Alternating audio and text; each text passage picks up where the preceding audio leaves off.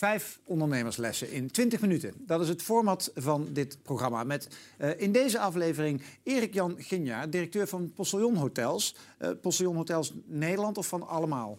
Uh, van allemaal. En die zit alleen maar in Nederland. Oh, kijk eens dus aan. Ja, dat is hij. Hoeveel ja, staan er? We hebben er acht. En, en hoe word je directeur van Postillon Hotels? Ehm, beetje geluk, hard werken en vooral heel veel plezier in, in je werk hebben, denk ik. En, en wat, wat maakt het plezier?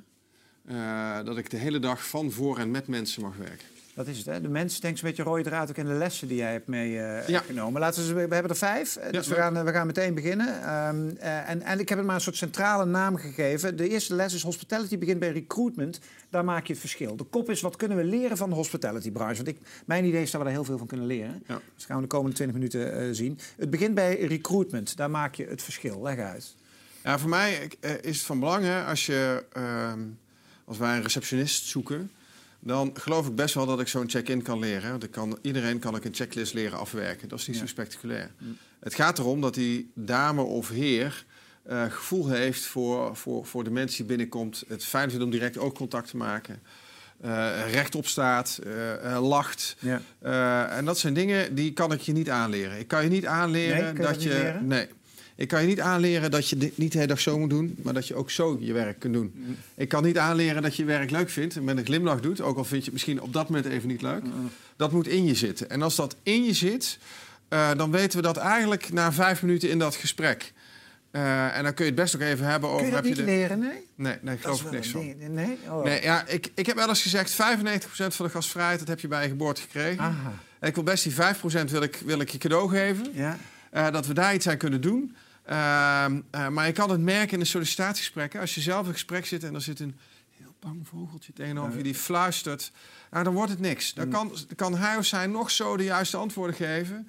Uh, dan wordt het niks. Als iemand de hele tijd uh, zo een beetje tegenover, dan wordt het ook niks. Ik heb eigenlijk maar één keer een uitzondering gehad. Uh, er staat me toe een leuke, vind ik in ieder geval leuke anekdote. ja, ja, ja, was, een, was een, hoofd, een sollicitant voor een hoofdtechnische dienstfunctie. Ja. En uh, ik voerde dat gesprek samen met een collega van mij. En daar kwam een, een boom van een kerel kwam binnen.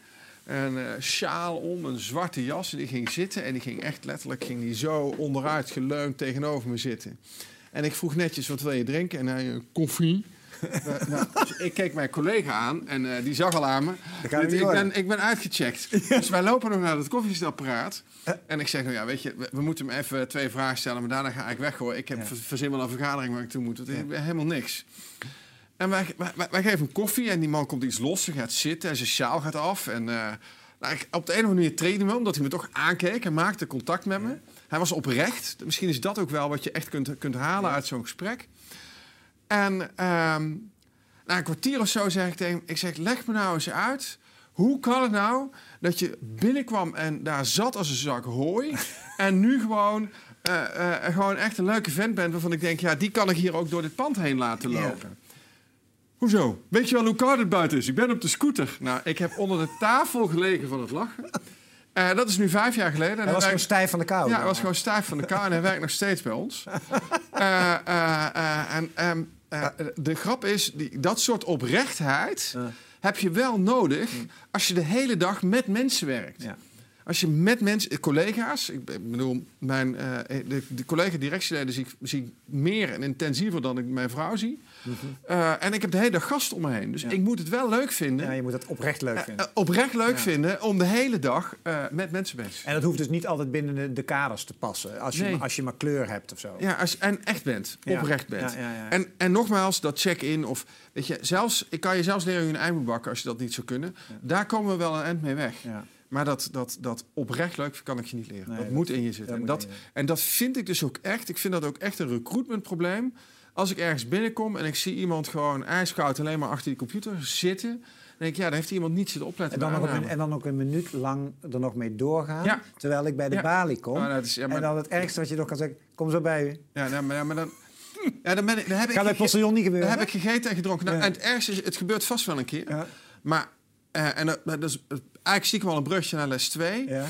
Ik vind dus dat je, als het in je bedrijf geëmbed is, ja. um, dat je van hoog tot laag, van, van dik tot dun, van links tot rechts, moet het je opvallen als dat niet gebeurt in je bedrijf. Ja. Als ik binnenkom in uh, een van mijn vestigingen en de voordeur is niet schoongemaakt die ochtend... dan is het eerste wat ik doe, is naar de receptie lopen en zeggen de voordeur moet nog even gedaan worden. Zou je dat even willen doen, alsjeblieft? Hm. Als ik op het toilet kom in een van onze hotels en daar ligt nog rommel, dan zal ik dat melden. Als een receptionist, als ik in, in een van onze business points zit te werken en ik hoor de telefoon overgaan en er wordt op, opgenomen met, met in plaats van, eh, dan zal ik dat melden. Het, het is, het, we, mogen niet verslappen als je dat wil over. De tweede les staat er inmiddels, want dat is dan wat je zegt. Hè? Hospitality doe je elk moment van de dag, week, maand, jaar. Verslappen betekent ingrijpen. Ja. Ehm, is het dan nog wel klassiek dat uh, hoog grijpt in richting laag? Zeg maar? Ben jij altijd degene uh, vanuit directie en management die ingrijpt? Of gebeurt het door de hele hut heen dat men, elkaar, dat men ingrijpt bij elkaar? Kijk, in de ideale wereld wil je dat het door de hele hut heen uh, gebeurt. Ja. En de grap is, linkje naar les 1... als je echte hospitality gekken aangenomen hebt, ja. dan gebeurt het door die hele laag heen. Ja. Want dat is leuk. Ja. Uh, uiteraard hebben we ook nog steeds uh, een, een, vaste schare van medewerkers die er al een tijdje werken. Uh, en die nog wat hiërarchisch zijn ingesteld. Want hospitality is van origine een heel erg hiërarchisch ingerichte ja. branche. Ja. Maar de hospitality anno nu is van links naar rechts, van dik tot dun, spreken elkaar aan. En dat, dat, moet ook. Het moet ook zo zijn dat een afwasser die een zaal aan het schoonmaken is... tegen de TD'er zegt, hey, het gordijn daar een stuk, wil je die even maken? Dat, zo, dat hoort ook, want je kan niet. Um, uh, ik geloof er niet in dat je maar uh, 95% van de dag vrij kan zijn. Weet je wat ik nooit zo begrijp, Erik-Jan? Is dat ik vind dit het mooiste wat er is. Dat heeft te maken met dat je, in mijn ogen, dat je andere mensen heel gelukkig maakt ook. Ja. Uh, en ik kan me bijna niet voorstellen dat je dat niet hebt. Dat is mijn ja. beroepsdeformatie misschien ook als, als, als ik zit in de eventbranche. Natuurlijk ook, heeft ook met hospitality te maken. Ja, absoluut. En met een zaal goed behandelen. maar het, is er, zit dat in genoeg genen? Is er genoeg, zijn er genoeg mensen te krijgen die dit hebben? Ja, ik, ik vind het elke keer verbazingwekkend dat, nou, ik dat het zo vaak fout gaat. Wat de spanning hier is, is ehm, dat ik wel merkbaar vind dat de generatie die er nu aankomt, en nou klink ik heel oud, dat ben ik eigenlijk nog helemaal niet. Uh, maar de generatie die er nu aankomt, die vindt toch hun zijn of haar telefoon belangrijker dan wat anders. En ik zou bijna zeggen, dat moet je eruit slaan. Dat kan niet en dat mag ook gelukkig niet. maar um, het is wel zo dat je daar, ook daar moet je als bedrijf dus opnieuw uh, je weg in zien te vinden. Dus eh, ik heb het eerste tijdje gewoon verboden. Hè? Iemand die met zijn telefoon aan het handelsen was, die in die achterzak zat.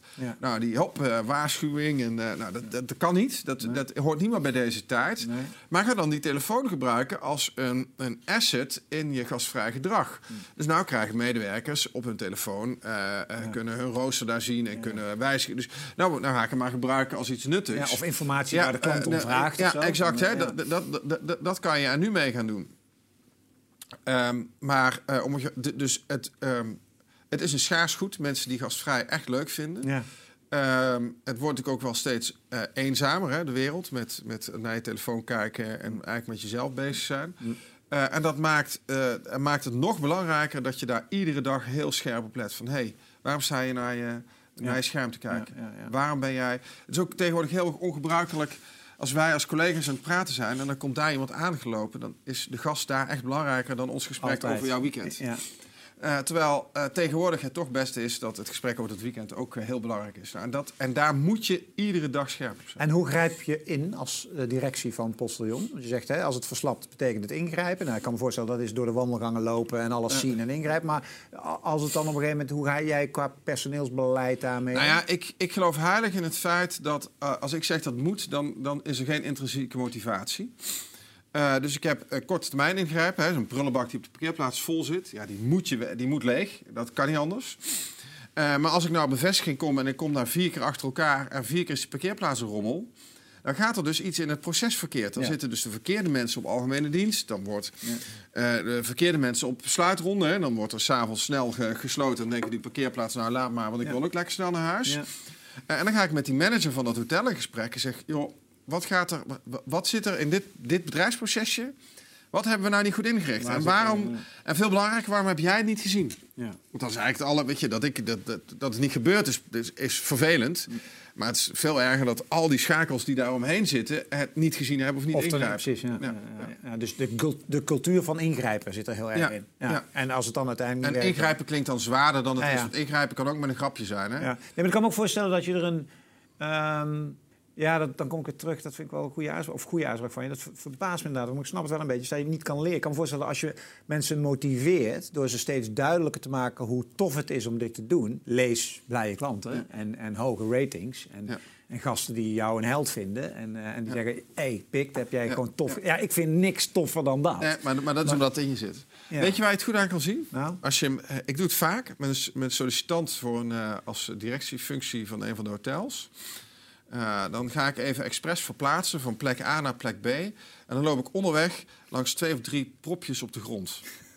Ja. Raapt hij ze op? Raapt hij ze op of niet? En raapt hij ze op, dan weten we bijna zeker dat het uit goede hout is. En dat is stom, hè? Of hij is heel slim en hij snapt dat hij ja, propjes hebt neergelegd. Dat, dat, kan dat, kan ook. Maar, maar, dan is hij ook geschikt. Dan is hij ook geschikt. Dan is hij ook geschikt. maar het is, het is iets heel stoms. Zo, wat, wat zegt zo'n propje nou eigenlijk?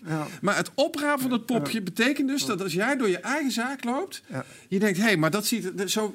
Het is vergelijkbaar met als jij thuis mensen op bezoek krijgt. Ja. Als je mensen op bezoek krijgt, dan doe je toch ook even de tafel met, met linnen en mooi gepoleerd zilver op tafel. Want dat vind je toch leuk? Dan pak je toch ook aan. Dat is precies hetzelfde. Ja. Ja. Uh, les 3. Ben je bewust van de invloed van de factor mens? Nou ja, dat is eigenlijk de kern, denk ik, van alle vijf de lessen. Uh, hoe, hoe, hoe leer je dat? Ja, dat is voor mij echt in alle bedrijfsprocessen die je doet... Uh, moet de vraag centraal staan wat voegt de mens hier in dit proces toe? Hmm. Um, dus je kan alles standaardiseren in standard operating procedures en al die andere onzin. Maar je moet je constant bewust zijn: is wat hier staat, uh, of wat, wat, wat collega X of Y moet doen, ja. um, uh, is dat door een mens, voegt dat dan waarde toe? Of ja. is het alleen maar een procedure voor de procedure? Ja. Want als je natuurlijk heel eerlijk bent, ook wij nog hoor. Uh, ik ben er zeker van dat als ik nu uh, een willekeurig proces uit ons bedrijf zou halen en met die bril ernaar ga kijken, dat ik dan ook nog twee stappen. Want ze staan allemaal beschreven? Natuurlijk staan ze allemaal beschreven. Want je wil natuurlijk, ja, je wil natuurlijk dummy-proof zijn. Want hoeveel mensen heb je het over? We hebben toch bijna 400 mensen. 400 mensen, verdeeld over zes hotels. Uh, acht. Acht. Hmm. Maar je wilt natuurlijk toch, je wilt een beetje dummy-proof. Je wil dat als uh, Piet net uh, bij de receptie komt staan, dat hij ook weet hoe hij moet inchecken. Ja. Dus je hebt al die stappen uitgeschreven. Het belang is dat je telkens realiseert, wat doet de mens? En hoe kunnen we de mens uh, meer toegevoegde waarde laten geven. Dat is echt. En dat is, uh, dat Hoe zie je dat in de tijd van, ik er met recruitment ja. al even over beginnen, technologie. Je ziet ja. nu de video's langzamerhand populair worden ja. van de eerste hotels ter wereld. Hè, die dan met, uh, de, je komt binnen en er staat uh, een of andere rare robot. Die staat bij de ingang en die brengt je koffer naar de kamer. En die is 24 uur per dag beschikbaar. Is altijd vriendelijk, is nooit moe, kost ook niet zoveel geld. Is heel slim, nooit ziet ziek. alles, nooit ziek. ik hoor heel veel voordelen. Ja, uh, maar alleen voldoet hij niet in deze? Uh, nou, dat weet ik niet. Mm. De grap is dat als je de robotisering gaat gebruiken als een kans dan zou je alles wat je, alle bedrijfsprocessen die we maar even corvée noemen, ja. uh, het, het, brengen van de koffer naar de kamer is corvée, hè? dat ja. doet niks af, dan heb ik geen interactie met jou. Nee. Het inboeken van een kamer is corvée. Zo kan ik 100 corvée-klussen bedenken. Als ik dat nou zou kunnen uitbesteden aan een computer, maar dan heb ik opeens tijd voor een echt gesprek met jou. Ja. Ja, dat is leuk. Ja. Dus dan ga ik opeens de mens weer gebruiken voor die is. De ja. mens is eigenlijk... Ja, natuurlijk is hij er ook... We kunnen, we kunnen slepen, wij kunnen die koffer best wegbrengen. Daar gaat het niet om. Nee. Maar eigenlijk is dat niet... Waarom ik... Ik ben niet de gastvrijheid ingegaan... Uh, om op vrijdagavond 40 koffers naar de kamer te brengen. nee, maar, maar, zijn jullie daarmee bezig? Ja, ja we, zijn, we hebben uh, een uh, artificial intelligence computer ontwikkeld... in het diepste geheim de laatste maanden... Uh, zijn er nou een paar, uh, sinds 8 oktober live mee, die ons volledige reserveringsproces geautomatiseerd uh, doet. Ah, dus we zijn de eerste ter wereld die reserveringen niet meer door de mens laten doen, maar 100% op computer. Ah, en die heeft een naam? Michiel. Ah. Lekker Hollands, ja. lekker gaan, ja. dicht bij de mens. En de grap is dat de mensen die nou bij onze afdeling reserveringen werken, Um, daarvoor wordt natuurlijk wel eens gevraagd, maar hoe vinden die mensen dan nou? Dat ze ja, werken aan iets dat, uh, dat hun baan gaat kosten. Nou, dat is helemaal niet waar. Nee. Het gaat hun hun baan niet kosten. Ze gaan alleen dadelijk wel andere dingen doen. En mensen die bij ons werken vinden dus aan de ene kant super vet dat ze werken voor een innovatief bedrijf. Maar anderzijds vinden ze het ook ontzettend fijn dat ze dadelijk weer kunnen doen waarom ze ooit de gastvrij zijn gaan. En dat is niet namenlijstjes zitten invoeren nee, achter nee, nee, nee, Of zien dat iemand al zes keer is geweest. Maar dat zegt Michiel straks ja. Michiel nee, zegt deze, het gewoon. Deze komt hier voor de ja, zesde keer. En dan kan, je, dan kan je met een bos bloemen bij de voordeur staan. Wat leuk dat jij voor de zesde keer er bent. Daar heb je dan opeens tijd voor. Ja, ja, ja geweldig. Ja, leuk. Uh, de vierde, een mooi broodje, prachtige zaal, fijne verzekering. Daar kan iedereen aankomen. Het verschil wordt gemaakt door degene die het mij uh, verkoopt. Ja, het, het, lijkt een open deur, maar dat is het natuurlijk niet. Hè? Um, uh, uh, een van mijn stellingen is dat uh, we hebben Van de Valk, Mercure, een paar, noem, noem, maar een paar concurrenten van ons. Die hebben ook prachtige zalen. Die hebben ook ja. super sonische audiovisuele ondersteuning. Um, het zit hem niet in, in, in, het product dat mensen bij mij komen kopen. Het gaat erom, hebben ze vertrouwen in de mens die, die zorgt voor de randvoorwaarden. en dat kan je natuurlijk veel verder trekken als ik uh, um, uh, een verzekering afsluit, ik ben heel gevoelig voor hoe de telefoon wordt opgenomen. Hm. Uh, want kijk, er zijn vijf verzekeraars die een autoverzekering, misschien wel meer, maar vijf die ik nu zo even zou kunnen bedenken. Het gaat er toch om, wordt er vriendelijk opgenomen? Ja. hoor je dat iemand oprecht geïnteresseerd is in mijn verhaal? Ja, en dat zijn de dingen um, die laten zich niet vangen in een mooie website, in een prachtige zaal, in, in, in, in supersonisch eten. Het gaat erom, begrijpen we wat jij komt doen? Als jij bij mij dagvoorzitter bent en jij komt binnen s ochtends vroeg, dan heb jij maar één ding in je hoofd. Hmm. En dat is, ik wil weten welke zaal ik heb, hmm. of het geluid het doet, uh, waar ik moet lopen, hoe ik van en af het podium moet komen. En als je nog een presentatie bij hebt, wil je nog even kijken of het op het scherm kan. Dat zijn jouw, jouw prioriteiten is niet, hoe kom ik bij de zaal, mag ik de zaal al open doen, waar kan ik koffie, dat zijn allemaal jouw prioriteiten niet. Nee. Nou is de truc, dat, maakt, dat is wat ik hier probeer te zeggen.